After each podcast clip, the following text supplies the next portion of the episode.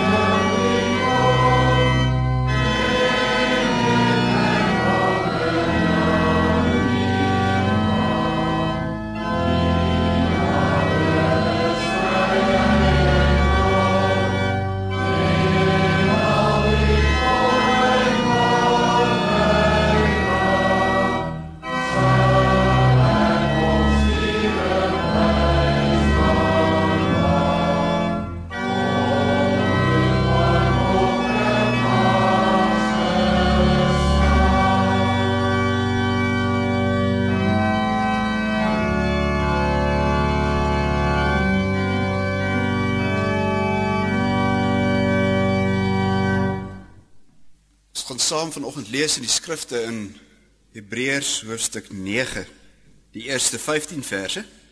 So dan die eerste verbond, sowel verordeninge vir die erediens as ook sy aardse heiligdom gehad. Want die tabernakel is so ingerig. Die eerste waarin die kandelaar was en die tafel en die toonbrode wat die heilige genoem word en agter die tweede voorhangsel die tabernakel wat genoem word die allerheiligste waarin 'n goue wierookbak was en die ark van die verbond rondom heeltemal met goud oorgetrek waarin die goue kruik met die manna was en die staf van Aaron wat gebloei het en die tafels van die verbond. En daarbo op die gerubs van die heerlikheid wat die versoendeksel oorskadu het waaroor nie nou afsonderlik gespreek kan word nie. En nadat hierdie dinge so ingerig was het die priesters wel gedurig in die eerste tabernakel ingegaan om die dienste te vervul, maar in die tweede die hoëpriester alleen, eenmaal in die jaar. Nie sonder bloed nie, wat hy offer vir homself en vir die sondes van die volk uit onwetendheid begaan. Waarmee die Heilige Gees dit duidelik maak dat die weg na die heiligdom nog nie geopen is solank as die eerste tabernakel nie sta, nog standhou nie. Dit was 'n beeld met die oog op die teenwoordige tyd waarin daar gawes en offers gebring word wat hom wat die diens verrig na die gewete nie volkome kon maak nie omdat dit net bestaan het in spys en drank en verskillende wassinge en vleeslike verordeninge wat opgelê is tot op die tyd van herstelling maar Christus wat opgetree het as hoëpriester vir die toekomstige weldade het deur die groter en volmaakter tabernakel wat nie met hande gemaak is nie dit wil sê wat nie aan hierdie skepping behoort nie ook nie met die bloed van bokke en kalwers nie maar met sy eie bloed eenmaal ingegaan in die heiligdom en 'n ewige verlossing teweeggebring want as die bloed van stiere en bokke en die as van 'n vers wat die verontreinigdes besprinkel heilig maak tot reiniging van die vlees, hoeveel te meer sal die bloed van Christus wat homself deur die ewige Gees aan God sonder smet geoffer het, julle gewete reinig van dooie werke om die lewende God te dien. En daarom is hy middelaar van 'n Nuwe Testament sodat terwyl daar 'n dood plaasgevind het vir die verlossing van die oortredinge onder die Eerste Testament die wat geroepe is die belofte van die ewige erfenis kan ontvang. Tot sover in Hebreërs 9. Gemeente die teks vind u in Hebreërs 9 vers 11 en 12. Maar Christus wat opgetree het as hoëpriester van die toekomstige weldade het deur die groter en volmaakter tabernakel wat nie met hande gemaak is nie, dit wil sê wat nie aan hierdie skepping behoort nie, ook nie met die bloed van bokke en kalwers nie, maar met sy eie bloed eenmaal ingegaan in die heiligdom en 'n ewige verlossing teweeggebring. Broeders en susters, geliefde gemeente, die laaste maande word daar in en om die gemeente heelwat gepraat oor die verstaan en die uitleef van die Ou Testament. Veral die Ou Testamentiese feeste. Vra word gevra oor wat dit beteken dat die Ou Testament deur Christus vervul is. Wat moet ons met die Ou Testamentiese feeste doen? En van selfsprekend kom artikel 25 van die Nederlandse geloofsbelijdenis in die soeklig. Hierdie vrae is nie nuwe vrae nie. Gelowiges deur al die eeue het hierdie vrae al gevra. En die vrae sal altyd aktueel bly. Hoe moet ons vandag in die Nuwe Testamentiese bedeling besig wees met God se Ou Testamentiese getuienisse en bepalinge met alles in die Ou Testament? Met die wette, met die feeste, met alles. En so verkondig ek aan u Christus se vervulling van die Ou Testament. En dan gaan ons stil staan by die bedoeling van die vervulde Ou Testament en die gebruik van die vervulde Ou Testament. Twee baie basiese sake. Nou op geen plek in die Bybel word daar so duidelik en helder oor die bedoeling van die Ou Testament gepraat as in die brief aan die Hebreërs nie. Die hele Hebreërbrief waaruit ons nou net 'n klein gedeelte gelees het. Hebreërs 9 noem dat daar 'n eerste verbond was. 'n Eerste testament. En ons ken dit as die Ou Testament. Hierdie eerste verbond of testament het verordeninge, reëls gehad vir die erediens en vir die heiligdom wat aan daardie diens verbonde was. Sê Hebreërs 9 vers 1 die aardse heiligdom van die Ou Testament. Dit was die tabernakel. Later die tempel in Jerusalem. Die tabernakel was baie besonders ingerig. Dit het twee dele gehad. Die eerste deel was die heilige. Daar die kandelaar gestaan met sewe arms. Indrukwekkend mooi. Tafel met toonbrode. Die tweede deel die allerheiligste. En daar staan die ark van die verbond. Dit was heeltemal met goud oortrek. Voor die eerste deel van die tabernakel, hierdie heilige, daar 'n swaar gordyn gehang. Niemand kon sien wat daar aangaan daar agter nie. Die volk het nie die goue kandelaar en die tafel met die toonbrode gesien nie. Voor die tweede deel van die tempel het daar nog 'n gordyn gehang. Hierdie gordyn of voorhangsel moes 'n skeiding maak tussen die heilige en die allerheiligste. En die gordyn of voorhangsel dit was ook 'n skeiding tussen tussen die volk en God. Dit wat die Hebreërs skrywer sommer in enkele sinne oor die inrigting van die Ou Testamentiese tabernakel sê, dit vind 'n mens in besonder in die 5 boeke van Moses terug. Oor die detail wy die Hebreërs skrywer nie uit nie. Vers 5 van Hebreërs 9. Maar hy kom by 'n volgende saak uit. Vanaf vers 6 beduie hy hoe die priesters van die Ou Testament in hierdie tabernakel gewerk het. Daar was 'n menigte priesters aan die werk. Daar was 'n bedrywigheid in die tempel. In die eerste deel van die tabernakel, die heilige, het die priesters elke dag die voorgeskrewe offers gebring. Maar in die tweede deel, die allerheiligste, het amper nooit iemand gekom nie. Eenmal 'n jaar het die hoofpriester daarin gegaan op die groot versoendag een van die groot feeste in Israel, Levitikus 16. En op daardie dag moet die hoë priester met 'n vuurpan vol gloeiende kole en twee hande vol fyn gestampte reukwerk in die allerheiligste ingaan en die rook van die vuurpan met die reukwerk moet die ark met die versoendeksel en die goue gerubs toemaak. En dan moet die hoë priester die bloed van 'n bul vat En die bloed moet hy daar rondsprinkel by die altaar op die versoendeksel. Sonder bloed mag die hoëpriester nie in die allerheiligste ingaan nie. Die bloed wat hy sprinkel is 'n offer vir homself en vir die sondes van die volk wat hulle in onkunde gedoen het. Die gemeente, mens kan dit dink watter geweldige groot oomblik dit is as die hoëpriester op die groot versoendag daar agter die swaar voorhangsel verdwyn met die vuurpan en die bloed. Israel weet hier word versoening vir ons sondes gedoen. Wat het dit met ons te doen? Ons kan dink dat die gebeure vir Israel in die Ou Testament besonder moes wees. Maar ons leef in die Nuwe Testament.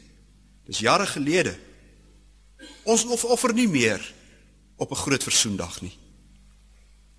Wat moet ons met die gegevens doen? Hierdie vraag vra die Hebreërs skrywer ook. Hy beantwoord hom vers 8 met die inrigting van die tabernakel en die diens van die priesters maak die Heilige Gees dit duidelik dat die weg na die heiligdom nog nie geopen is solank as die eerste tabernakel nog standhou nie. Dit beteken die Ou Testamentiese erediens is in sy geheel 'n beeldryke les waarmee die Heilige Gees besig is om die gelowiges in die Nuwe Testament iets te leer. En die tema van die les is baie eenvoudig. Solank as wat die tabernakel in die Ou Testament staan, is die toegang tot die allerheiligste gesluit. Die voorhangsel keer dat niemand onregmatig die allerheiligste kan betree nie. God die Here woon in 'n ontoeganklike lig omdat die mens weens sonde dit ontoeganklik gemaak het.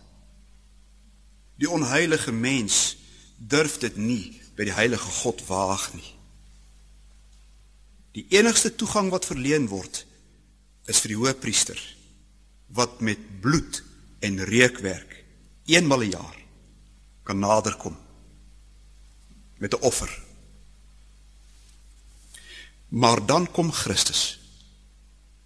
So lees ons in vers 11. Christus is die unieke hoëpriester. Christus gaan in die allerheiligste in, nie met 'n vuurpan vol reukwerk en die bloed van 'n bul nie, maar met sy eie bloed. Hy offer homself.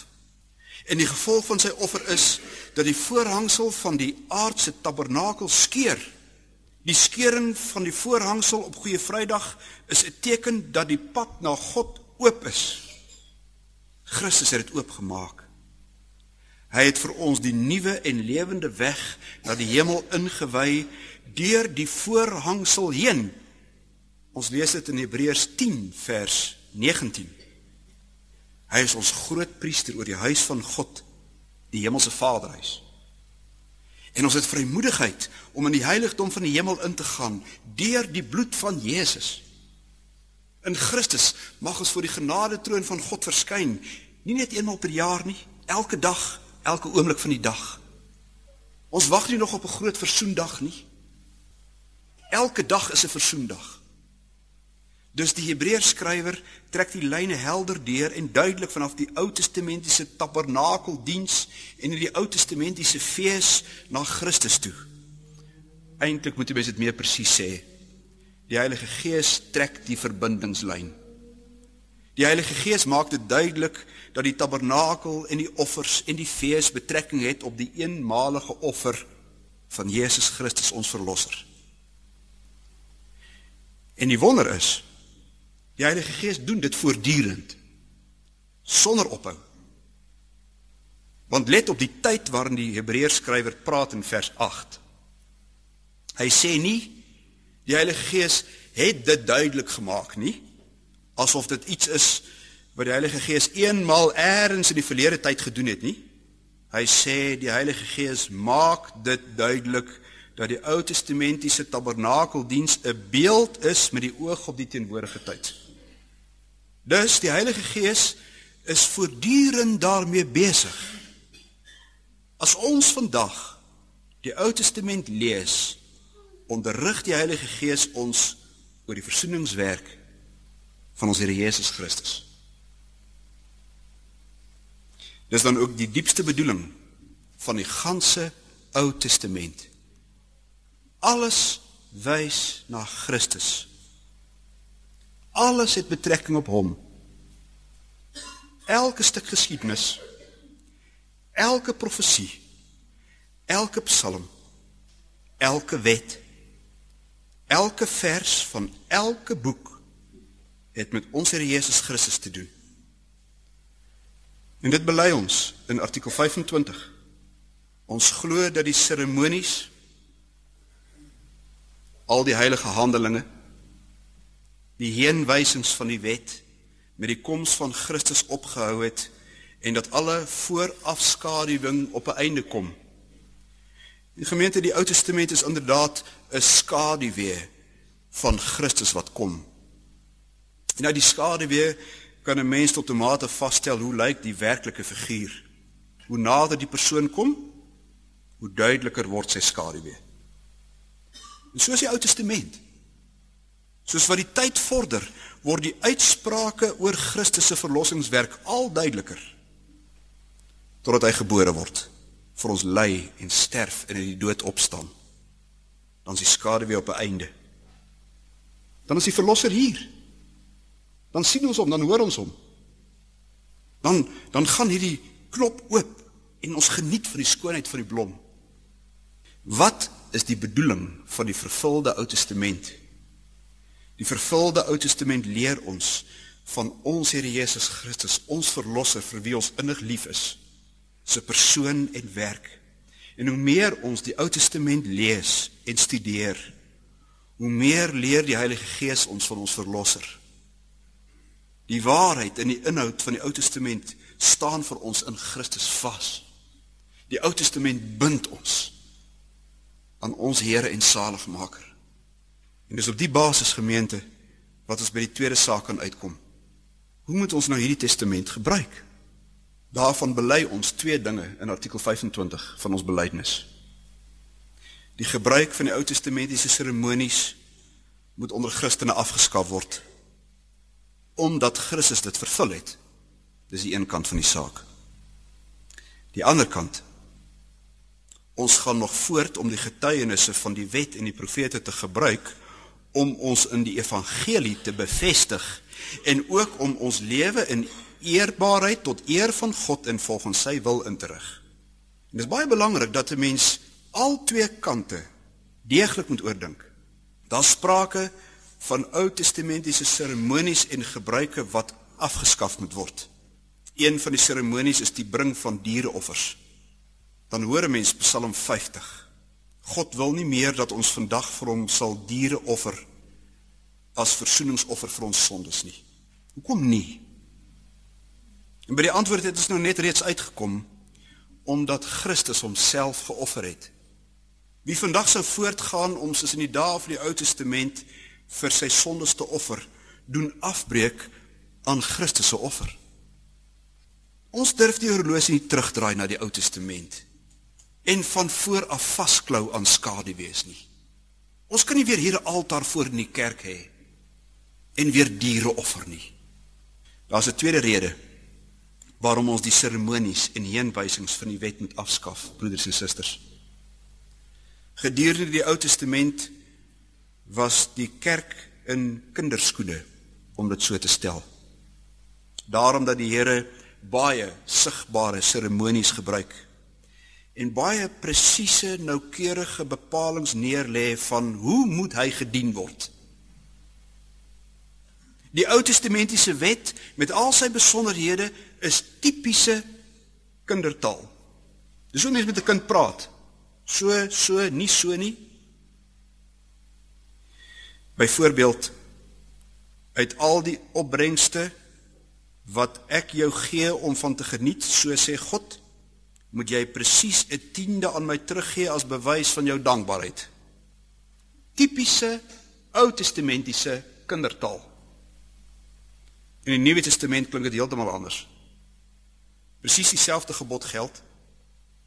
Maar nou word dit volwassenes vir volwassenes gegee wat Christus ken.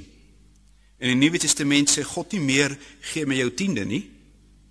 Nou sê hy ek het 'n blymoedige gewer lief. Gee jou eerstelinge uit dankbaarheid sonder dwang.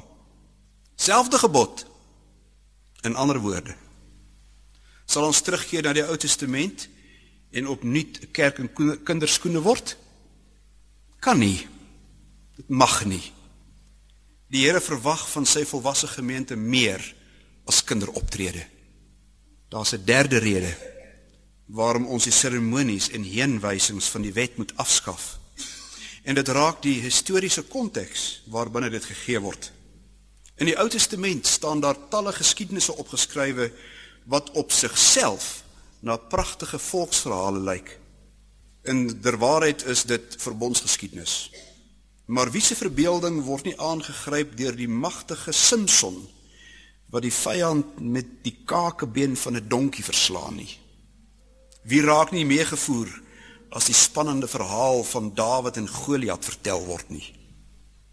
En so word die bevrydingsteoloog beetgepak deur die geskiedenis van Israel se verlossing uit die slawehuis van Egipte.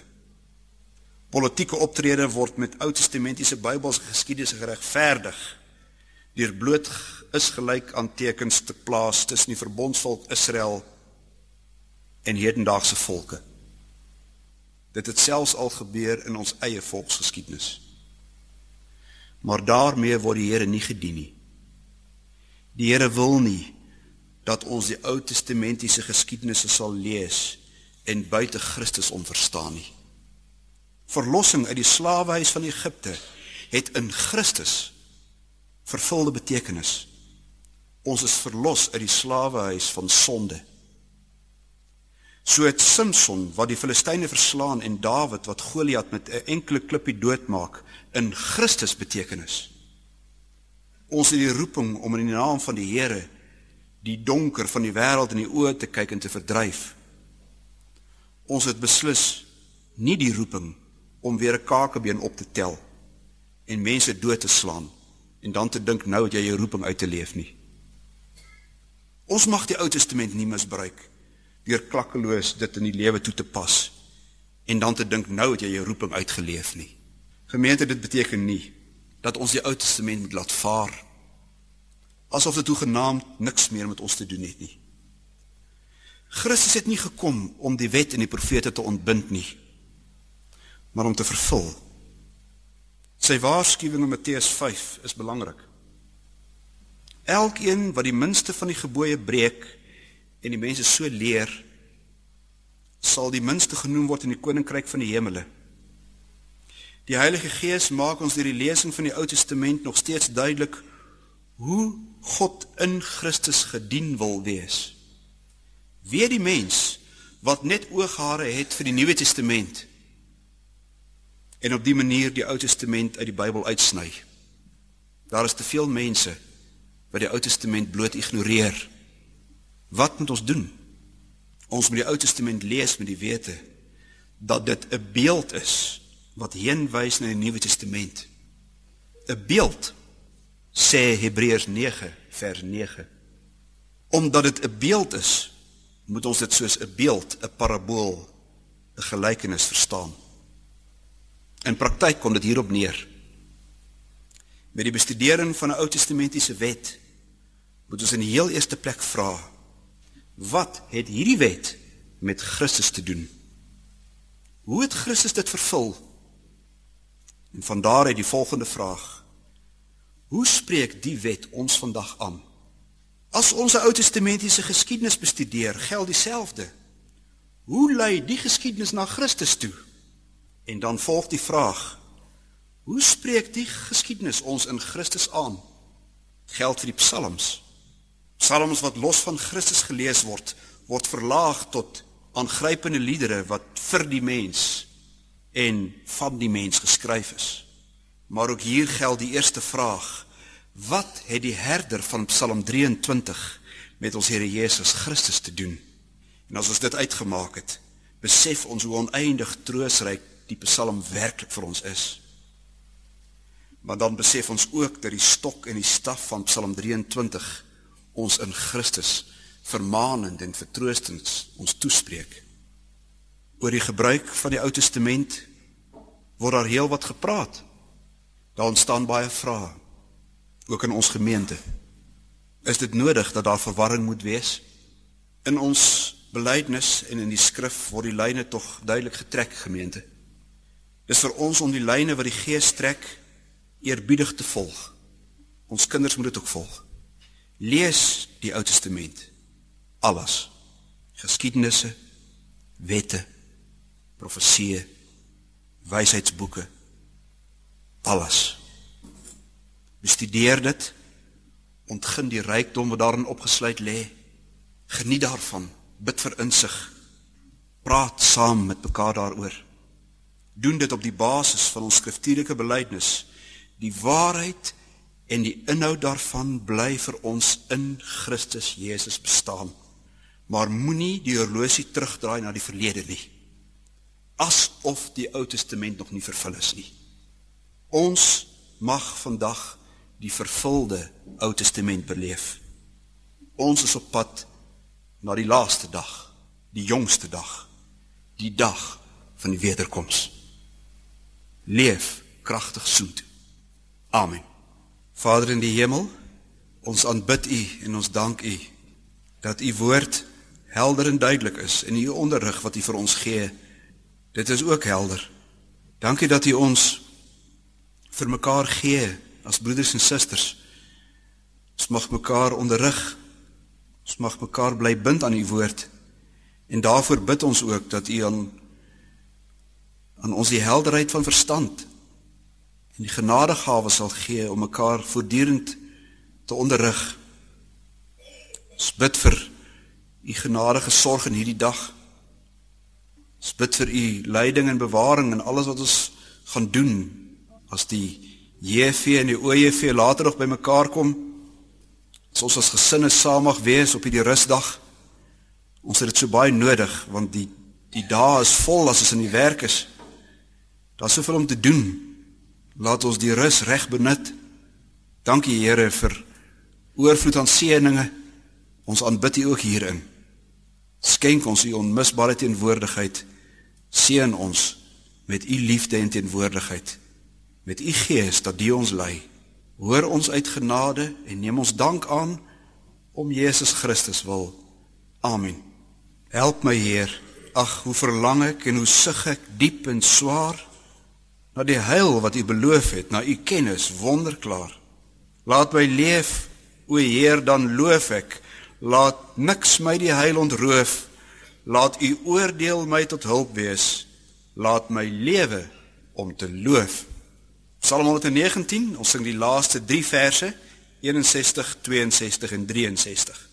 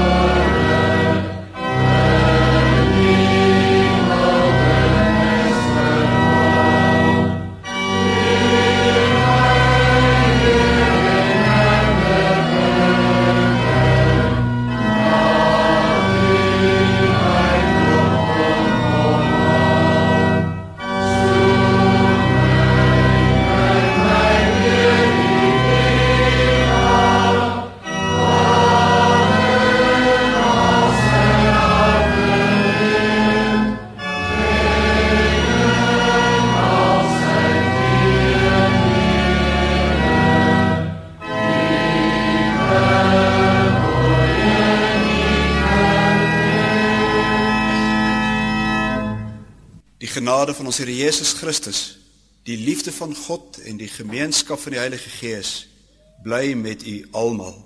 Amen.